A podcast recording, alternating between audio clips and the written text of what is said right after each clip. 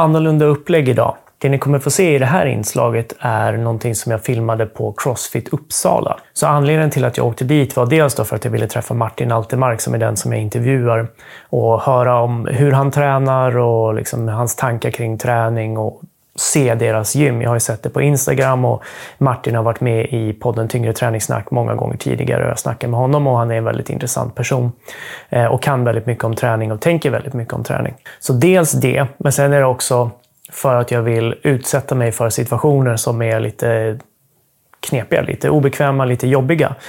Och eh, jag har ju blivit hyfsat nöjd med hur den här podden och eh, vloggen ser ut och låter när jag sitter här hemma i eh, mitt kontor då.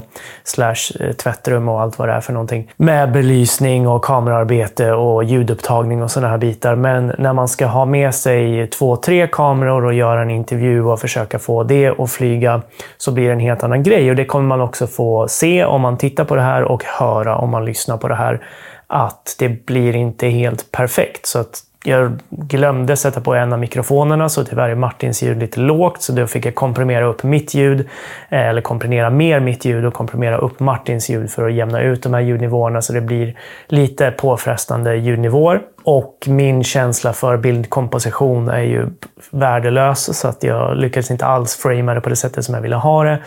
Och jag lyckades inte ställa in kameran på det sättet som jag ville ha det med eh, bländare och med eh, bildrutehastighet och sådana här bitar. Så det finns saker att jobba på där, men det var precis därför jag åkte dit, för att jag vill träna på de här grejerna. Eh, men då ville jag då prata med Martin om deras verksamhet egentligen, om Crossfit Uppsala och hur de startade och hur de tänker. Och det är väldigt intressant att lyssna på Martin för han, han tänker som sagt väldigt mycket på träning och hur de ska använda den här lokalen för att det ska bli så bra som möjligt. Vilka grejer de behöver, vilka grejer de inte behöver, hur grejerna ska stå och sådär. Hur olika idrottare ska träna, hur olika individer ska träna, hur man anpassar det och sen då mycket som vi pratar om i den här intervjun då, vilket språkbruk man använder, hur stöttar man någon på bästa sätt, hur ser man någon på bästa sätt och sådär. Eh, och hur gör man det mesta av den typen av upplägg som de har med det medlemskapssystem som de har. Och så, där. så det är väldigt spännande. Sen är det en annan grej som jag upptäckte att kameran bryter tydligen efter typ en halvtimmes filmande. Så att de sista typ 10-15 minuterna av intervjun saknas. Så det tar lite abrupt slut där. Eh, men jag tycker jag fick till något, ett hyfsat bra slut ändå. Även om det var, fick inte med allting som vi pratade om. Det här blir en ganska lång intervju då med Martin Altermark på Crossfit Uppsala. Då så. Då sitter vi här. ja, men eh, jag har precis varit med på ett träningspass här och eh, vi har båda gnällt om hur mycket träningsverk vi, vi har, eller kommer få i alla fall. Eh, och det beror ju på att vi, vi körde jävligt hårt. Det är något som jag inte riktigt är van med. Jag håller mig inom mina gränser, men jag får lite känslan här att det ni gör här är att utmana folks gränser i alla fall och utmana folk på olika sätt. Jo, men så är det ju. Alltså, vad vi gör det är ju och, jag menar, ut, att utmana och det kommer ju vara olika för olika personer naturligtvis. Men man ska ju alltid bli utmanad av träning, annars vet jag mm. inte riktigt om det, om, det, är, träning. om det är träning. Och sen så när man tränar väldigt målmedvetet, som vi gjorde nu. Nu var ju du på träningspass med, med oss och som är cyklister här. Precis. Och då var det ju väldigt nischad träning mot vad vi behöver för att bli bättre. Och vi behöver ju, vi behöver ju cykla för att bli bättre på att cykla. Det gjorde vi inte idag. Det gjorde vi inte idag. Och, men om man gör styrketräning, för det behöver man också göra, så vill man göra det väldigt, väldigt målmedvetet och, eh, och, och göra ganska specifikt. Och om man gör någonting målmedvetet och specifikt, då är det nog så att det blir eh, ganska låg volym men ganska, ganska hög intensitet. Ja. Så det är, det är med, med, intention att bli bättre ja. varje dag. Jag blev ju coachad. Jag sa ju till dig innan att jag är inte coachable. Men det var, det var väldigt snäll coaching och det var, det var bra och det var riktat. Och det var liksom, eh, jag kunde ta till mig det, trots att jag är så här tjurskallig och liksom egentligen inte vill bli tillsagd hur jag ska göra. Så, så man märker liksom att hela den här grejen med att vara i den här gruppen och att det finns ett tydligt syfte med att det inte, som du sa flera gånger, det är inte bara att vikten ska ner och upp, utan att det finns liksom en tanke med hur det ska gå till och, och hur man ska göra det. Att det, det funkade verkligen. Så det... Jag, jag tror när det, när det kommer till att träna folk eller att coacha folk, det heter coaching. Ja. Ja. Eh, så handlar det ganska mycket om både att ha liksom tydliga kriterier för vad man är ute efter att se i en rörelse, men också att kommunicera det. Alltså det, det är inte så bra om, om man har en tränare som alltid ska stå och vara närvarande, liksom hålla i handen och säga om det där var en bra eller dålig rörelse. Så det handlar ju ganska mycket om att förklara varför man gör någonting vad skillnaden mellan när det blir lite bättre och lite sämre är så att du förstår det och känner att då, då köper man ju in i, ja. i vad man gör mycket, mycket bättre och det blir mycket, mycket bättre. Och då kan man ju som tränare backa undan lite sen och se vad som händer och, och se om det blir bättre och också inte få riktigt panik om om någon rörelse inte blev så bra, då oftast kan man bara skratta och ja. dramatisera det och sen så här, försök göra inte sådär. Det var ganska, mycket, det var ganska mycket skratt. Liksom. Både så här, ja, men, ni, var, ni är ju en tight grupp, liksom, så det var ju mycket så här vänligt kiv också. Men det var ju lite när folk misslyckas så kan man skratta lite åt det. Och ja. de känner också att ja, men det här blev inte riktigt rätt. När man håller sig inom ramarna. Sen så naturligtvis är det ju så att man inte... Det här med att utmana, det handlar ju väldigt mycket om att inte pusha folk utanför ramarna. Ja. Det finns ju en del så här memes på internet, särskilt i crossfit-världen, allt ja. så jävla hårt. Där our, our warm-up is your workout. Ja, just det. Och det, är ju, det är ju bara tramsigt liksom. Ja. När, man, när man har det här med man har, att, man, att utmaningen ska ligga så himla, himla långt ifrån menar, comfort zone. Man ska ja. aldrig befinna sig i comfort zone. Ja. Det är precis vad man ska Man ska befinna sig någonstans i närheten av gränserna i comfort zone. Där man känner sig att här känner jag mig trygg men utmanad och vågar utmana mig själv. Det, det kommer nog bli ganska bra. Och det, det, får man ju dels om man själv känner att man förstår varför man gör någonting och hur man ska utföra det. Om man känner sig att man inte är ensam med någonting, med ja. träningskompisar. Och kanske också att man har ett par ögon som säger om jag gör någonting dåligt så kommer den här tränaren att ändå se det och se ja. Så om det inte är någon som säger det, då är det nog ganska okej. Okay. Ja. Men det handlar ju om att skapa en bra miljö för att utvecklas i. Och den där den här gruppen du tränade med idag, det är ju en, det är en grupp i gruppen som har tränat många år specifikt för cykling. Och vi har ju några stycken sådana grupper här. Eh, men, men allra största eh, delen, då tränar vi ju väldigt generellt bara för att, jag vet inte, ja, få större liv. Liksom. Ja, precis. menar, ut, utmana oss, ha kul och göra någonting roligt. Här, här är ju ett ställe man kommer till att träna i, inte i ett eller två eller tre år, utan här är ju, vi, vi har ju från, från vårt första pass vi hade 15 eh, år sedan så har vi liksom hälften som var med på det passet är ju kvar här. Ja. Så det här tränar man ju i 10-15 år ja. om man inte flyttar härifrån. De allra, allra. Du ska få chansen lite att berätta tänker jag, om, om er början här. För du sa 15 år. Vad, vad är vi på nu? 2024? Så... 29. Ja, och det var väl ungefär i den vevan som jag blev varse Crossfit, skulle jag säga. Och då var det ja, men det var väl eh, Crossfit Games och den typen av grejer som man exponerades för. Och då fick man ju verkligen den här känslan, som du sa, där, uh, “Your warm-up is our workout”. Alltså det var väldigt uh, Pukey the Clown. Jag vet inte, var det en grej inom Crossfit? Ja, det var ju det. var till och med så på de första games som jag åkte på som, som tränare uh, så brukar man få ganska mycket dödtid. Alltså. Det, ja. det är ju man, de här grenarna de är ju hårda, och, men ganska korta ändå. Och mellan grenar är det ganska lång tid. Så som tränare eller runt omkring personal så har man ju rätt mycket dödtid att gå omkring och titta på det här cirkusspektaklet ja. som pågår. Och folk som gör rätt coola saker som man inte trodde kunde göras. Liksom. Men då att titta på de här t-shirtarna med, med de här eh, slogansen för olika gym. Då hade vi att man samlade på samlade på de dummaste sloganen. det, här är ju, det är ju väldigt... Men det är också, man får komma ihåg, det här kommer ju från USA där man ja. liksom ska vara over the top hela tiden. Precis, och, och specifikt Crossfit var ju väldigt, och är ju fortfarande, liksom, utmanar alla möjliga gränser. Liksom. Ja, men det drog ju till sig den typen av människor också. Så här, den här typen av eh, så här, militär. Ja. I USA ska sägas, för i Europa var det ju aldrig så här. Här har det ju varit en ganska lugn och avslappnad ja. rörelse ändå. Men du har ju träffat många av de här pionjärerna i Crossfit mm. i, här. Det är ju inte alls den typen av människor. Det är nog snarare de, om man ska ha någon nidbild så, så är det ganska många som var kanske lite för snälla för den här kampsportsvärlden som många av oss kommer ifrån. Ja, ja precis. Jag, jag, jag får ju mer känslan av att det är så cerebrala människor. Ja. Eh, som de jag har kommit i kontakt med, som funderar väldigt mycket kring träning. Och jag tänkte lite, jag skulle fråga om det. Var, alltså, vad var det som drog dig till det här? Då? För att om man tänker sig att det var den här nidbilden, den amerikanska mm. grejen, när man, det flög liksom jetplan över och man skulle salute the flag och hit ja. och dit. Liksom.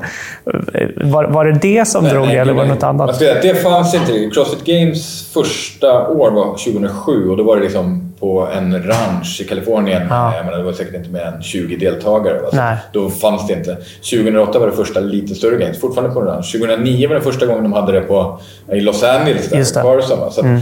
det, det var ändå den biten fanns inte förrän ganska sent och jag ramlade in i det rätt tidigt. Ja. Och det är nog snarare så att det, det som jag eh, hittade. Det var ju, alltså, ja, Många fastnar för extremsporter, ja. nya grejer. Det kunde ha varit skateboarding på 70-talet då, ja. eller det kunde ha varit eh, någon typ av skidåkning, störtlopp på 80-talet kanske. eller, ja, men det, är ju den typen av människor. Liksom. Ja. Nu var det crossfit eh, och jag, jag kom liksom, så, så från kampsportvärlden. Det var, var ett gäng som gjorde det, de första. Eh, där man kanske inte riktigt så här, kanske inte riktigt ville slåss.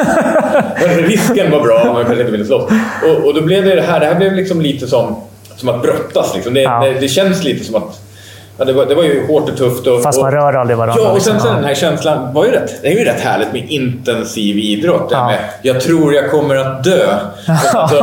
Så, så, så, det är ganska härligt. Ja. Jag har aldrig känt mig så levande. Så man känner sig levande ganska ofta. Nej, men det, det är ganska lätt att ta för givet liksom det här och det som Crossfit är och har blivit och, liksom, och egentligen hela träningsvärlden är och har blivit. Men det har egentligen inte alltid varit så. Utan styrketräning på den tiden, det var ju antingen så var det ju ljust och fräscht att sitta vid maskiner eller så var det skitiga källargym. Liksom. Det, det var ju helt sjukt. 2009. Det är ja. 15 år. Det är inte så långt tillbaka alltså. Men det stämmer ju. Det, fanns ett gym med skivstänger i Uppsala och ett ja. gym med en pull-up-stång. Just det. det liksom, ja, men nu precis. ser det helt annorlunda ut. Ju, vilket gym som helst har ju 15 perfekta Eleiko-stänger och, ja. och, och, vikter och sånt där. Så det är ju någonting som har hänt med det här crossfit. Men också det att alltså, hur man tränar och hur man... Så här, intentionen med träning är ju någonting helt annorlunda. Ja. Förut var det ju möjligen intentionen att vinna någon bänkpresstävling, kunna driva på ett gäng. Liksom. Men eh, nu är det ju verkligen att lära sig nya saker och utmanas och sådär. Det har ju hänt. Det, är ju en väldigt bra utveckling. Ja, alltså gymnastik. Liksom. Det, ja. det, har ju inte funnits. Det, det var ju någonting som man höll på med när man var barn ja. möjligen. Men nej, precis, nu är det någonting som, som är mer för allemans. Eller så här, roddmaskiner, liksom, den typen av grejer. Så det var ut och springa eller liksom gå och bodybuilda. Det var väl typ de alternativen man hade om man skulle träna ja, när jag var barn. Typ. Och ibland ondgörs det från den här världen då, som är, menar, vi är ju ett affilierat crossfit-gym Eh, men jag tänker att det finns andra mindre gym. Jag brukar tänka på ett mikrogym ja. liksom, där, man, där man har färre tränande och ganska många väldigt engagerade tränarögon. Ja. Och anledningen till att det blir väldigt engagerade tränarögon det är ju för att jävla då, ekonomin är ju jag menar, ansatt. Det är inte så lätt. Man måste tänka till för att, för att gå runt och klara sig. Och det går att göra det. Men, men man kommer inte bli rik och då, då får det vara någonting annat som driver och då mm. är det ju ofta så att de människorna som verkligen vill vara bra och vill göra bra hamnar i det här och fortsätter med det här. Mm. Att, och, det och det är en jävla bra grej. Men man får också komma ihåg att även på de här stora gymmen som Friskis och Actic mm. och, och sådär så görs det ju ohyggligt mycket bättre rörelse ja. nu än vad det har gjort tidigare. Men benböj är ju generellt sett djupa och marklyft är generellt ja, alltså, De finns också. Det, det, det, var ingen som höll på med sådana grejer på, på det sättet nej, nej, nej. Liksom, för 15 år sedan. Och det här är ju något som, som har kommit från den här typen av gym och, och, och, det, och det fungerar ju också. Och du, det ser man ju liksom studie efter studie efter studie efter studie säger ju att jag menar, styrketräning det är, som är relativt tung, mm. och det är ju efter förmåga såklart, den, den gör ju att man i princip bromsar åldrande. Alltså. Mm. Det, det, det, är ju så pass dramatiskt. Mm. Även om det kanske när man tänker på de här eh, vet, rekommendationerna från, eh, från Folkhälso eh, håll. Så är det, Muskelstärkande aktiviteter. Ja, den, kommer lite, den brukar inte nämnas så mycket på TV när man pratar om det. Men den finns ju där. Ja. Och den är ju ganska dramatisk. Man ska göra muskelstärkande aktiviteter, träning, ja. två gånger i veckan. Liksom. Och, och, och, det är ju inte, om man läser liksom underlaget för det, då är det inte tänkt att det ska vara lätt. Liksom. Det Nej, det ska vara muskelstärkande. Ja, det, och det måste ju vara liksom... Ja, det, ni brukar ju prata om det i, i träningssnack, att gå, gå, gå till eller mot failure. Och det är mm. ju det man pratar om. Men det är ju svårt att förstå för folk. Men om man tänker att det ska vara vara ordentligt utmanande. Mm. Eller vid något tillfälle ska det bli så tungt så att du inte kan fortsätta. Det är ju mm. då det är muskelstärkande. Annars mm. är det ju under konditionsträning. Ja, och det, alltså det språket, eller egentligen den terminologin och den tanken, den fanns ju inte heller riktigt för 15 Nej. år sedan. Det, det, hade ju inte nått igenom när man började skriva de här rekommendationerna. Det har inte riktigt nått igenom ännu. Nej. Men det finns ju fortfarande liksom ett språkbruk kring det där som folk fattar lite mer än man gjorde för 15-20 år sedan. Det här med, som du säger med failure, eller liksom med, vad är styrketräning egentligen? Alltså folk tänker att styrketräning vad? Det är när man är i ett gym.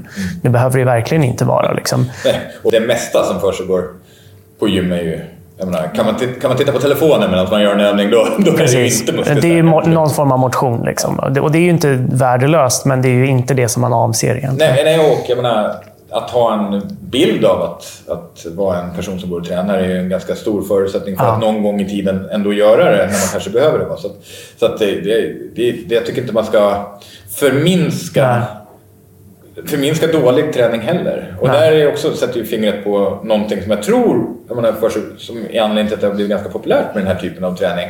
Det är ju att träning ska ju vara kul. Alltså, ska mm. man göra någonting över tid så spelar det faktiskt ingen roll hur effektivt det är. Det är alltså verkligen ingenting Nej. hur effektivt det är.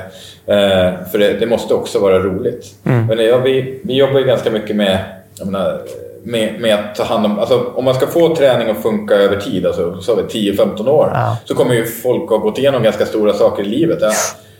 Många, många som tränar här har ju varit ute och sprungit och stukat foten eller varit med i en cykelolycka eller ja. no någonting har hänt. Eller blivit gravid eller fått ont i ryggen eller något ryggskott. Äh, dragit av sin bicepssena. saker händer va? Och då, då är det ju jätte, jätteviktigt att man kan inte, man kan inte låta träning stå på vänt Nej. den här tiden. För det är ju den allra farligaste tiden med att upprätthålla en rutin. Det är ju mm. om, man, om man inte upprätthåller rutinen. Mm. Och då spelar det egentligen inte så mycket roll vad man fyller den med. Men om man fyller den med någonting som är roligt eller känns meningsfullt så blir det större chans att man upprätthåller den. Mm. Så på ett sånt här ställe där man kan jobba lite närmare folk, då får man ju möjlighet att göra bra träning även när det inte Eh, det man helst skulle vilja. Precis. Men man kan styra till vad, vad som är lite roligt. Och det är ganska roligt att göra den här typen av träning också. Alltså ja. det, det, finns så mycket att vara bra på så att man, det tar liksom aldrig slut. Och då blir ju den här träning för livet mycket, mycket, mycket lättare. Förut ja. var det så himla nischat. Eller när man pratar om ja, men du vet, den här typen av, av eh, studier om högintensiva intervallpass. Ja. Det räcker med 20 sekunder ja. två gånger i veckan. Liksom. Jag har skrivit en bok om det, så dissa inte det för mycket. Nej, nej, alltså, det, det, funkar ju väldigt, väldigt bra, men det är också det är också väldigt, väldigt hårt. Alltså, Jag tror det, inte 20 sekunder. Eh, det, det är också 20 sekunder som, som gör rätt ont. Ja. Nu är det oftast inte 20 sekunder för de flesta kanske inte kan ta sig ut på det. Kanske Nej. 30 sekunder. Men det, men det är också lite tråkigt. Om, det, om du köper den här motionscykeln för att göra det här hemma så kommer du att sluta göra ja. det, jag lovar. Men om du går till ett gym och gör det tillsammans med träningskompisar, då kommer du att fortsätta. Mm. Och så det, det, det är ändå så att den här typen av... Alltså det, är inte, det är inte bara att träningen är effektiv som är viktigt, utan Nej. också allting runt omkring. Och, och det är liksom vad, vad vi har tänkt. Vad jag tror vad den här typen av gym tillhandahåller som, som inte andra kan tillhandahålla. Jag menar, en, en förutsättning är att man har utrustning och har en lokal. Ja. då fyller man liksom en, en viktig ping där. Och det har ju... Ja, men det har, de, du, de stora gymmen är fan fina alltså. Ja. ja, de har inte brist på grejer. Nej, inte, inte brist på grejer. De skiner. Ja. Eh, och, och sen så måste man nog ha någon form av kompetent personal som man känner sig lite omhändertagen i alla fall. Det, det, kan man väl tänka sig att vi, vi skulle kunna säga att alla gym har det. Alltså. Ja. Vi säger det för det är klart att inte alla gym har det, men vi säger att argumentets sak. Men sen så det här med att ha en, en social eh, närvaro, att känna sig delaktig i någonting. Det, det, det, går ju inte om du, om du är en av många. Alltså du, du kan inte bli sedd på det sättet. Den här sociala integrationen finns inte, vare sig i gruppen eller från eh, ska man säga, de som jobbar där. Man kommer helt enkelt inte känna sig sedd. Mm. Och, och, och, på den här typen av gym så finns möjligheten att göra det. Det finns ju inte på de stora gymmen. Jag tror att för att träning ska hålla i över tid och inte bli jag menar, de flesta har ju liksom tränat i januari, februari. Du, du ser att det ser annorlunda ut januari, februari mm. på många gym. Eller i alla fall att det blir någon form av lite väl stötvis. Mm. Och det är väl bra om det är stötvis och fortsätter, men för de allra flesta när det blir sådär stötvis så, år fem, år sex så mm. blev det, kom man väl aldrig tillbaka. Liksom. Men på den här typen av gym, eftersom man uppfyller alla de här tre kraven, så tror jag att det blir, att det kan bli långsiktigt. Livslångt. Liksom, mm. På ett sätt som jag tror att träning inte har varit i Sverige sen, ja, jag vågar inte säga något, vi, vi säger 70-talet, men, men förr i tiden så tror jag att eftersom träning var lite någonting annat. Ja. Eh, då var det mer det här med att bara röra på sig i, i vardagen, livet, tiden. Va? Ja, men jag tror det. Alltså det. Om man tänker på de som håller på regelbundet, då är det antingen de som är lite, lite konstiga, liksom, alltså så här, går och gör saker själv. Som jag, liksom, jag, jag, tycker om att träna själv. Men det är ju väldigt få människor som ändå har där drivet inuti sig att fortsätta. Och sen har du de som tillhör någon form av klubb. Om det är liksom en skidklubb eller en fotbollsklubb eller sådär, där du, du ska dyka upp på torsdag, för det är då det är träning. Liksom. Mm. Då, det är klart att det, det blir en, en, helt annan, en helt annan motivation att ta sig till och sen så har man den här gemenskapen och sådär. Så det blir, man har en accountability. Liksom. Du, du ska det, där. De här sakerna, den här gemenskapen eh, är så känslan av ett sammanhang är så otroligt viktig. Mm. Du sa ju det med föreningar och föreningslivet och klubbar och sånt där har ju definitivt, den biten det acear ju ofta föreningslivet. Mm. Däremot så är det ju ofta lite mer problematiskt med den här kompetenta personalen. Ja, ja. För det är ju oftast, oftast är det ju så att det är den, den, den där pappan eller mamman som inte kunde säga nej som, som tar hand om det där PR14-laget eller vad det nu må vara. Det finns ju naturligtvis jättekompetenta klubbtränare också, men det är, det är tufft där. Ja. ja, och då blir det kanske att man inte utmanar sig så mycket. Alltså blir det liksom, då, då, blir det mest att du motionerar, då, att du tar din runda med cykelklubben eller sådär. Mm. Medan ska du då styrketräna eller på något sätt liksom försöka att bli bättre på någonting, då är det ganska svårt att göra det, eh, som du säger, utan kompetent men det, personal. Men det kan man göra. Alltså det, det är ju lite upp till alla, alla idrottsföreningar och klubbar att ta sig i året liksom och försöka lyfta sig. Jag menar, mm. Varför ska man göra träningspass som inte har någon tydlig intention? Mm. Det, det, på det här passet så kommer vi att träna för att bli bättre på de här sakerna. Mm. Eller i de här situationerna. Men det ställer ganska stora krav ändå. Det ställer ganska stora krav. Ja. Och det, där, där blir det ju lättare naturligtvis om det är folk som... Vi, vi, som, vi som är på så här vi, vi jobbar ju med det. Ja. Det blir lättare. Men det, det, ska ju också, det ställer krav på jag menar, dels faktakunskap, att man förstår vad, vad, vad som skiljer bra och dålig träning. Ja. Men också eh, en, en bra omhändertagande av tränande, ett bra språk. Det spelar ingen roll om det sitter inne i någons huvud här. Nej. Det att, man, att man har labbrock och doktorerat, det gör ju inte nödvändigtvis att man att man kanske kan mycket fakta. Men sen ska man ju kunna kommunicera det på språk som någon annan förstår. Och där, där hjälper ju inte musklers namn på latin eller eh, menar, att prata det, om... Det är därför jag inte är tränare. det här är ju någonting man oftast upptäcker med tiden, ska ja. sägas. Så det, man behöver ju ha både någon form av kunskap och erfarenhet och då blir det magi någonstans i mitten. Mm. Och jag tror på de här mikrogymmen så den typen av individer som, som hamnade i det här ganska tidigt, liksom oss, de, de var vetgiriga men också ja. öppna för att bli bättre hela tiden. Ja. Ganska ödmjuka. Många andra gamla idrotter är ju tyvärr, jag menar, när en idrott stelnar, ja. en träningsform stelnar, brukar det bli här, lite gubbvälde och man är fast i sina grejer. Och så här, min sak har alltid funkat bra för mig och så surar man. Ja, precis. Och det ingår väl lite i crossfit-kulturen. Liksom, att det ska hela tiden vara någonting nytt och det ska vara nya utmaningar. Och man har ju det här ja. att förhålla sig till, där de slänger på en grejer och sådär. Då ställer det ju krav på Alltså att man ska kunna leverera som, som innehavare till en box och som tränare. Att man faktiskt ska fatta det där och kunna det där. Liksom. Alltså det var ju jättelustigt. När vi började då var det ju fler av de här extremmänniskorna som vi själva som hamnade i det här. Och som var också, ofta, folk som dras till extrema idrotter är oftast ganska hållbara och svåra ja. att döda. Men efter ett tag kom det ju vanliga människor som ja. var inte lika hållbara och inte lika lätta, eller svåra att döda. Eh, och det, det var ju så här, ögon... Vad säger man? Ögonöppnande ja. för, för mig och Björn som, som startade Crossfit Uppsala. Då, det är att när folk kommer in och säger jag har diskbrock, kan ni, kan ni göra mig friskare? Man bara, alltså, kippade pull-ups. ja, det funkar ju inte såklart. Nej. Så då var man ju tvungen att liksom skaffa sig kunskap. Ja. lite med tiden har man ju blivit ganska bra på att hitta tror jag, en balans på, för vad som jag menar, eh, kliniskt testad eh, träning eller rehabilitering. Men också Alltså för det här, klinisk testning, det brukar det kanske inte alltid vara det att det, det, det ska vara någonting som också folk gör. Nej, nej gud nej. Det är, för att du har... det är ju alltid den stora utmaningen. Stora utmaningen. de gör inte som jag säger. Liksom. Då, då, gäller det att ha relationer också. Så, ja. så man, man blev bättre och bättre på de här sakerna. Och det här var ju någonting som kom. Alltså det var inte sånt vi var bra på från nej. början, eller insåg från början.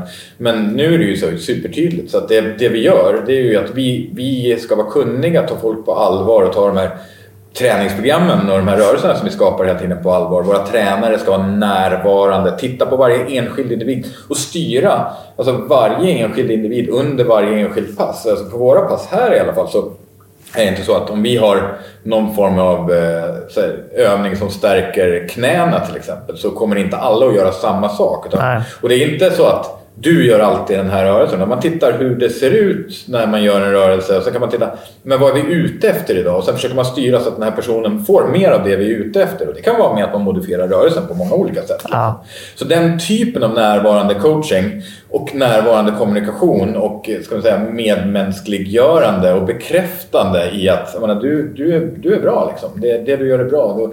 Du, du kan och du kan ta i. Att se till att visa folk hur de kan ta i. För om man gör en rörelse som man inte riktigt behärskar, då är det jävla svårt att ta i. Alltså. Ja. Då kanske man kan styra den lite så här, men om vi gör den här rörelsen lite här, addera lite stabilitet eller lite balans eller någonting på något sätt. Då kanske den här personen helt plötsligt kan ta i och få ett självförtroende som jag tror i alla fall att man tar med sig ut i det där mycket stökigare eh, vardagen som Ja. man går ut i sen och kanske får lite bättre självförtroende och inse att livet är inte så jävla statiskt som man tror. Man kan förändra sig själv och om Ja. det är någonting man vantrivs med så kan man ofta göra någonting åt det. Ja. Och det är i alla fall, tror jag väldigt starkt på att det vi gör inne i gymmen eller på träningspassen är, är något som förstorar en, inte, inte nödvändigt, menar fysiologi och sånt där. Vad fan. Alltså, menar, hur, hur snabbt går det när du slutar träna att liksom anpassa dig till att inte vara en tränande människa? Det, det går ganska fort. Don't det, I know it. Ja, Mm. ja, precis. Utan, men det här, jag menar, vi, kan, vi kan kalla det muskelminne, men det är nog snarare så att man har en annan attityd Ja. alltså, till vad man tror är möjligt och vad man tror kan hända. Den stannar nog kvar. Mm. Ja. jag. Jo, men jag tror absolut att det, det är nog många som kan vittna om det där när man blir utsatt för grejer hela tiden och verkligen testad på det. Och så där. Att man lär sig att det går att lära sig nya saker. och så där. Alltså som det här med gymnastik, liksom, att kunna göra en muscle-up eller kunna göra en kullerbytta eller såna grejer. Det är ju det, det är vuxna människor som, som tänker att de inte kan göra det. Och då, det är ju en väldigt stor begränsning. Men då är det ju jätteviktigt att vi som är tränare i den här världen eh, är väldigt, väldigt duktiga på att se vad som är lagom utmaning. Mm. För om man utmanar folk för mycket. Alltså, här, alltså regel nummer ett för alla såna här gym, eller förlåt, regel nummer ett för alla gym och för alla föreningar det är att få folk att komma tillbaka för nästa Mm. pass. Annars så spelar ingen roll. Vi gjorde, vi gjorde det perfekta passet en gång. Och sen så, Det var det min bok handlade om. Men och det är ju jätteklurigt. Så då gäller det ju att man lägger den här utmaningen lagom. Ja. För är den för svår alltså, så då känner man sig dum och dålig Mm. och man går hem och kommer aldrig tillbaka. Och är den för lätt, då, då är det tråkigt. Och då kommer man inte heller tillbaka. Utan Nej. det ska vara en utmaning som skiftar med tiden. Och det betyder inte alltid att utmaningen heller ska bli svårare och svårare. Det är en jävla naiv bild av världen. Och då har man inte tränat folk i 15 år. För, jag vet inte. Jag, jag börjar närma mig 50 nu och det, det, har, det har lyfts tyngre vikter Ja. den här kroppen än vad den gör nu. Och gjorts svårare rörelser. Utan det är, alltså, det är hela tiden att man inser att ja, men jag behöver utmana mig på ett lagom sätt nu, idag. Och, Ja. alltså, det är olika menar, år för år och dag för dag.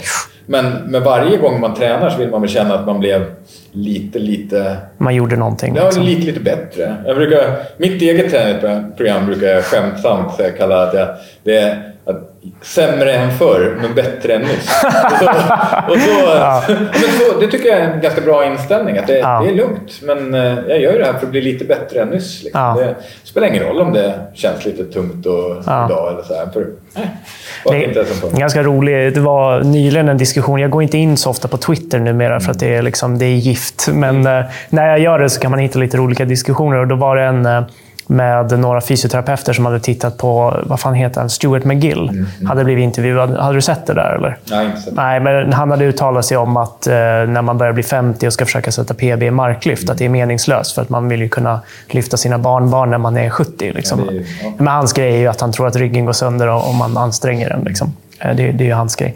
Men, eh, men det är ju precis som du säger, att det det är klart att man kanske inte kan sätta PB i marklyft när man är 50 om man hade ett riktigt bra PB när man var 25. Du kan ju sätta PB för, för den här dagen i marklyft. om du- Ja, exakt. Eller ett års bästa, eller någonting som du är nöjd med, eller någonting som du känner dig utmanad av. Eller sådär. Det är ju en helt annan optimistisk syn på rörelse än, än det här låsta. Liksom, att så här, Nej, men nu är du så här gammal, nu får du inte göra det. Man, man, man försöker väl hela tiden vara så bra människa som man kan. Liksom. Det här, det här, man hade Stuart McGills bild utav, som han har då på, på ryggens hållbarhet. Ja. När du väl börjar degenerera, då är det bara... Det är kört, precis. Sätt, sätt dig ner och hold fast. Då, då, liksom. då är ditt liv jag- ganska begränsat. Nej, då blir livet bara ganska begränsat, men inte bara rörelse. Men vadå, ska man sluta läsa böcker om man får dålig syn? Ja, eller. Ja, men då får man väl lösa problemet. Ja, men blir du blind? Ja, då får du lyssna på böcker. Det är Ja. jävla tråkigt med ljudböcker, men, Ja. eh, men om det är det vi har att jobba med så är det väl det vi får göra. Alltså, det, det, hela, jag menar, inst, fan, Stuart McGills glas är halvfullt. Alltså. Ja, det, det, det är det verkligen. Och det tjänar de väldigt bra med pengar på. det. Halvtomt. halvtomt är det. Ja, ja, precis. Det har du rätt i. Det är klart att man har lite andra utmaningar när man är i den åldern, eller när man, har, när man är gravid, eller när man liksom efter en födsel, eller när man har någon situation, man är deprimerad eller något sånt där. Men det betyder inte att det inte finns något sätt att komma runt det. Och det blir lite så här, men när man har de här ögonen på sig, man har någon som är kunnig och någon som kan förklara. Och så här, det blir mycket lättare att ta sig igenom också, det. Också någon som kan fråga kanske hur man mår. Alltså ja. Enkla grejer. Och också att bli sedd är väldigt olika. Vad man, olika för, för, jag tror, inte, inte för få, utan för de allra flesta så tror jag att det är nästan så att det kan vara en starkare upplevelse om man kommer in genom dörren liksom på, på sitt gym och tränaren säger Fan, har du klippt dig? Fan vad snyggt. för man säger så himla mycket då. Man ja. säger att man, det här, vi har en relation, jag vet hur du såg ut, inte bara inte bara hur det ser ut nu utan hur det såg ut förra veckan mm. och över tid. Och, alltså, det, det, är någonting ganska starkt som händer att man, jag, jag känner mig sedd. Mm. Och det sedda liksom sträcks ut i, i, i tiden liksom, på, mm. på ett rätt coolt sätt. Och sen så kan man, då blir det ganska lätt att träna. Eh, man, man ska ju bli glad av att gå till ett gym, inte bli